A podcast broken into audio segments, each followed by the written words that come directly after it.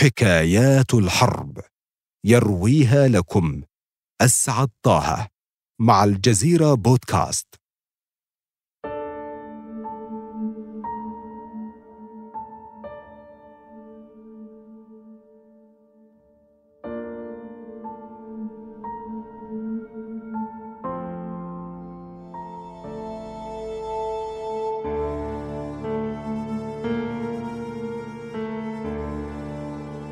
زوجان بينهما أسلاك شائكة. هل تتخيل أن ترغم على فراق حبيبك ثم تجاهد للقائه لحوالي سبعة عقود؟ هل تتخيل أن تترك ولدك في رحم أمه ثم تلقاه للمرة الأولى بعدما شاب شعره؟ إليكم ما جرى.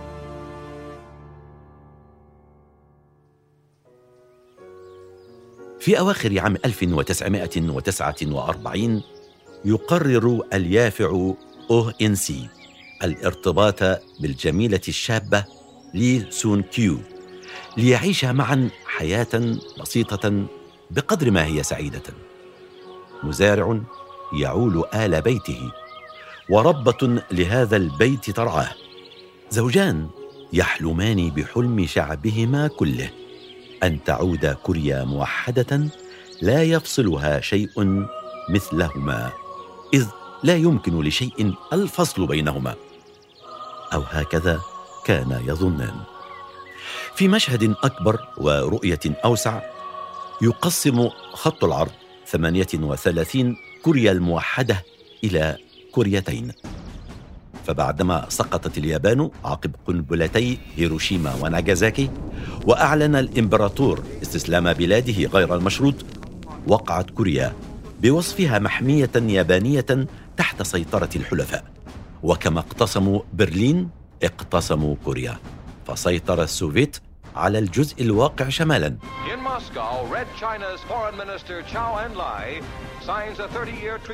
بينما خضع الجنوب لنفوذ الأمريكان.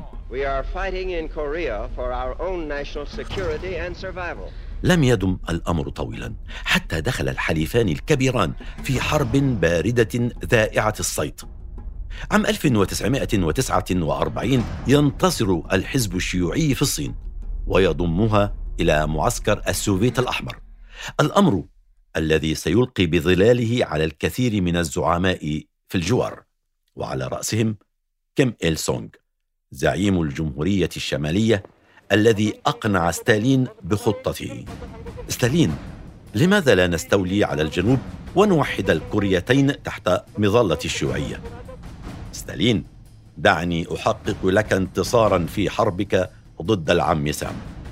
فقد أذعن ستالين.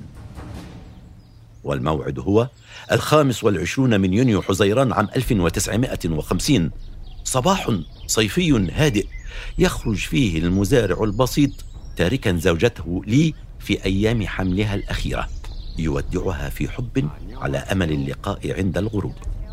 لقد كانا يجهلان ما ينتظرهما تماما كما جهل ما دار بين سونغ وستالين. في الغرفة المغلقة. فمع شروق الشمس كان جيش مدرب من الشمال يتقدم نحو دفاعات الجنوب. ميليشيات لا تعرف الرحمة وأسلحة سوفيتية متطورة وقصف دام يسقط مئات الجثث من جنود الجنوب والضباط الأمريكان. أوه يحرث ارضا في الشمال. ولي تقبع في منزلها بالجنوب. قد دارت أرح الحرب ولن يوقفها شيء ولن يعود أوه إلى منزله. في سول عاصمة الجنوب كانت المقتلة العظمى. دمار لا ينتهي صرخات تختلط بأصوات القذائف. الجنود الجنوبيون أقل تسليحا وتدريبا لكن لا بأس. فما يزال المستشارون الأمريكيون معهم. لابد وأنهم قادرون على صد العدوان. سيتوقف القصف ويعود. أوه! هكذا ظنت لي. ولكن الظن لا يغني من الحق شيئا. لقد انهارت دفاعات الجنوب انهيارا لا يمكن تخيله. واجتاح الشماليون الشوارع والطرقات. ووجد الجنوبيون أنفسهم ضحايا استراتيجية التسليح الخفيف. وفي ثلاثة أيام فقط سقطت سول في يد الشمال وانقطعت آمال لي لكن دعك من آمال اللقاء فثمة أمل أخير لدى الزوجة الشابة. إنه الأمل في البقاء على قيد الحياة. فقد كانت مشاهد الإعدام الميدانية تثير الرعب في كل نفس. ولم يكن يدري كل جنوبي إلى متى ستبقى رأسه في مكانها. يكفيك أن يشك في ولائك أو أن تكون على المسيحية. فالمسيحية لدى الشماليين رمز للغزو الإمبريالي ومسوغ كاف لقتلك. ولم تجد لي بدا من الفرار بعد الفرار. لكن إلى أين؟ لقد تساقطت مدن الجنوب كقطع الدومينو. ولم يبق إلا ميناء بوسان الصغير في أقصى الجنوب وهنا تدخلت الأمم المتحدة لإرسال قوات إلى الجنوب ربما يمكنهم البقاء على كوريا الجنوبية فوق الخريطة The forces of the United Nations are in Korea to put down an aggression that threatens not only the whole fabric of the United Nations, but all human hopes of peace and justice. ربما تسأل الآن أين أوه؟ إنه هناك مختبئ في قوات الشمال. فبعدما انقطعت به السبل رأى أن هذه الحرب قد تحقق حلمه في الوحدة ومن ثم تعيده إلى زوجته وولده الذي تحمله. لقد رأى الحكاية من وجهها الآخر فتقدم مع قوات الشمال حتى بوسان. لي تقبع هناك بالطبع فلم يبقى غير هذا المعقل الأخير لدى الجنوب. خطوة واحدة تفصله عن حلمه الكبير الذي يحتضن حلمه بلقاء أسرته. كل ما يحتاجه هو هذه الخطوة لكنه لن يخطوها لأن الجنرال دوغلاس ماك آرثر قرر أن يخطوها بدلا منه فبعد الحملة الكاسحة قرر الأمريكان ألا تسقط كوريا الجنوبية. إنها قطعة الدومينو الأولى وما إن تسقط حتى تتبعها كل معسكرات النفوذ الأمريكي. لذا أرسلت جنرالها الأسطوري سالف الذكر دوغلاس ماك آرثر صاحب الشعبية الجارفة التي اكتسبها من حروبه في المحيط الهادئ وجزر اليابان. إنها منطقته التي يعلمها جيدا. هذا هو الرجل الذي استسلم له إمبراطور اليابان الذي ظنه اليابانيون فوق البشر. فهل ستصمد أمامه ميليشيات الشمال؟ لقد اندفع أوه مع أقرانه إلى بوسان بالفعل لكن الجنرال قرر أن يقوم بالمقامرة الأخيرة. لن ندافع عن بوسان. سنهجم على سول ونستردها. وبالفعل قاد الجنرال انزالا كثيفا في ميناء أينشون القريب من العاصمة المنكوبة. وخلف خطوط العدو تمركزت قوات ماك آرثر. وتمكنت من حصاره وضرب خطوط إمداده وبدأت كفة الحرب في الاعتدال. لقد وجد الشماليون أنفسهم بين سندان قوات الأمم المتحدة في بوسان ومطرقة القوات في إنشيون وخرجت سول من أيديهم إلى يد ماك أرثر. فقط بعد ثلاثة أشهر من سقوطها في سبتمبر أيلول من العام نفسه. والذي شهد مولد الصغير الذي انتظره. أوه ولي. ولكن في معزل عن أبيه. عادت الحياة مرة أخرى إلى سول. ولكن لي لم تأمن على صغيرها طريق العودة. فآثرت البقاء حتى حين. وفي الخارج كان ماك آرثر يطارد الشماليين في حدودهم. لقد أجلاهم عن الجنوب بأكمله.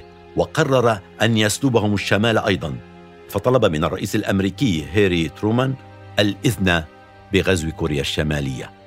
وكان له ما أراد لكن بشرط وحيد. لا تواصل الغزو إذا ما تدخلت قوات صينية أو سوفيتية في المعركة.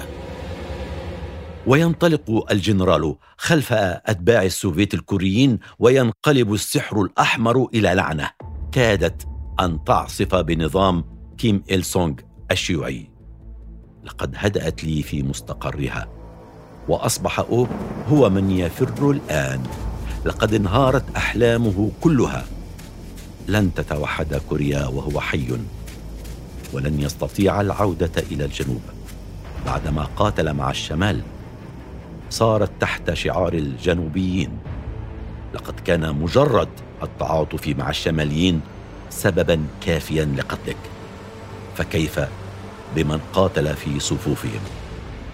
وكان أو يحلم بالمعجزة التي ستعيده إلى زوجته وصغيره الذي لم يره غير أن الرياح تأتي بما لم تشتهي السفن. على غرار سول سقطت العاصمة الشمالية بيونغ يانغ في أكتوبر تشرين الأول واستمر تراجع الشماليين حتى أزعج تقهقرهم التنين الصيني بالجوار. فقرر ماو تسي تونغ التدخل الصيني في الحرب لمنع السقوط. هل كانت هذه هي معجزة أوه؟ لم يأخذ القرار وقتا في تنفيذه. ففي الخامس والعشرين من أكتوبر تشرين الأول ترسل الصين قائدها الأسطوري دينغ هوا. على رأس ربع مليون مقاتل على أعلى مستوى من المهارة القتالية والتسليح الحربي. إنه اللقاء الأسطوري بين قائدين لا يقهران. لقد تدخلت الصين وأصبح تحذير الإدارة الأمريكية لماك آرثر مفعلا الآن. وبالفعل لم تلبث أن دارت المعارك بين القوات الصينية وقوات الأمم المتحدة حتى أجبرت الأولى الأخيرة على التراجع. ووجد الجنرال الأمريكي نفسه أمام هزيمته الأولى. لقد رفض تصديق ما حدث. هذه ليست الصين. إنهم محض متطوعين صينيين وليست قوات نظامية. لكنها كانت حقا الصين. وقد أشعل تدخلها الحرب مجددا. وأضاء معه شعلة أوه التي لم تنطفئ في قلبه للحظة واحدة. فعاد للقتال مرة أخرى في صفوف الصينيين على أمل استرداد كوريا واستعادة أسرته. وبالفعل لم ينتهي عام 1950 إلا بانسحاب القوات الأممية من الشمال والعودة من جديد جنوب خط عرض 38 يبدأ العام الجديد وتبدأ معه القوات الصينية وحلفاؤها الشماليون سلسلة من الهجمات الصادمة على الجنوب. فكانت العمليات تتم ليلا بأعداد كبيرة مصحوبة بأصوات مخيفة للأبواق والطبول الكلاسيكية التي بثت الفزع في نفوس الجنوبيين. ومرة أخرى تسقط سول. وتصدر الأوامر الصينية في الرابع من يناير كانون الثاني عام 1951 سنبيد العدو عن بكرة أبيه ونحرر كوريا بأسرها. أوه يحتفل بالنصر النهائي. أخيرا عاد الجنوب. أخيرا سيلتئم الشمل. لقد كانت لي مع رضيعها في أقصى الجنوب. ما هي إلا خطوات؟ لكن ماك آرثر أخذ على عاتقه ألا يفرح أوه ربما لم يلتقي الجنرال الجنوبي بالمقاتل الشمالي ابدا لكنه قرر أن يحطم أحلامه في كل حين. جن جنون الأمريكي لقد أراد أرثر استخدام القنبلة النووية فعرض الأمر على الرئيس الأمريكي الذي بدأ أنه يفكر في الخيار ذاته وبدأ الإعلام الأمريكي في بث الأخبار والحديث عن احتمالية استخدام الحل النووي. واستمرت المناقشات في أروقة البيت الأبيض ومراكز البحث الأمريكية. ماذا لو استخدمنا حل هيروشيما وناغازاكي؟ لكن الأمر الآن مختلف. الحل النووي في كوريا يعني أمرين مغايرين. الأول أننا سنقتل حلفاءنا مع أعدائنا. والثاني أننا سنضرب عدوا يمتلك هو الآخر سلاحا مثيلا. لقد تم حسم الجدل. لا يمكن استخدام القنبلة النووية وتلقي ضربات انتقامية من الاتحاد السوفيتي في أوروبا واليابان. انسى الأمر يا آرثر. لم يكن الحل النووي هو الحل الوحيد. فقد ضرب قائد الجيش الثامن الجديد إمدادات القوات الصينية وأمر بشن هجوم مضاد استمر حتى استردت سول الحائرة مرة أخرى في مارس آذار من العام نفسه. مليون ونصف إنسان سكنوا هذه العاصمة المسكينة وأضحى بهم الحال في عام واحد إلى مئتي ألف ناج فقط. يعانون الجوع ونقص الخدمات والانتقامات المضادة. بين الشماليين والجنوبيين والذين أقنعهم سجال الحرب أن أحدا لن ينتصر إنها حرب لا نصر لكنها حرب الهزيمة المدقعة حرب لا يكسبها أحد ويخسرها الجميع. في السابع والعشرين من يوليو تموز عام 1953 يقرر الفريقان وقف إطلاق النار. والالتزام بخط تقسيم حدودي بين المعسكرين. ومن هنا تصبح كوريا كوريتين شمالية شيوعية وجنوبية ديمقراطية. حاول اوه مراسلة زوجته لكن كوريا الشمالية قد تحولت إلى سجن كبير فقطعت الاتصالات تماما مع الجنوب لا خطابات ولا خدمات بريدية لا اتصالات تليفونية لا شيء على الإطلاق. لقد ظن كل منهما أن الآخر قد مات وفقد الزوجان أي أمل في اللقاء. ومثلهما آلاف الأسر التي فصلها الانقسام بين الشمال والجنوب وضاعت آمالهم في اللقاء. آلاف قضى بعضهم عمره ينتظر اللقاء. ينتظر إذنا بالسفر ليرى أخاه أو أباه أو ولده ولو لمرة واحدة. إلى أن أتى عام 2001 وبدأت مفاوضات الشمال والجنوب للسماح لهذه الأسر المنقسمة باللقاء.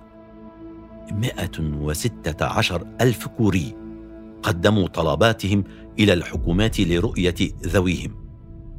لكن الموت كان أسرع إلى كثير منهم من الإذن باللقاء. أكتوبر تشرين الأول عام 2015 أخيرا حانت اللحظة بعد 65 عاما. امرأة ورجلان ومجموعة من الكاميرات.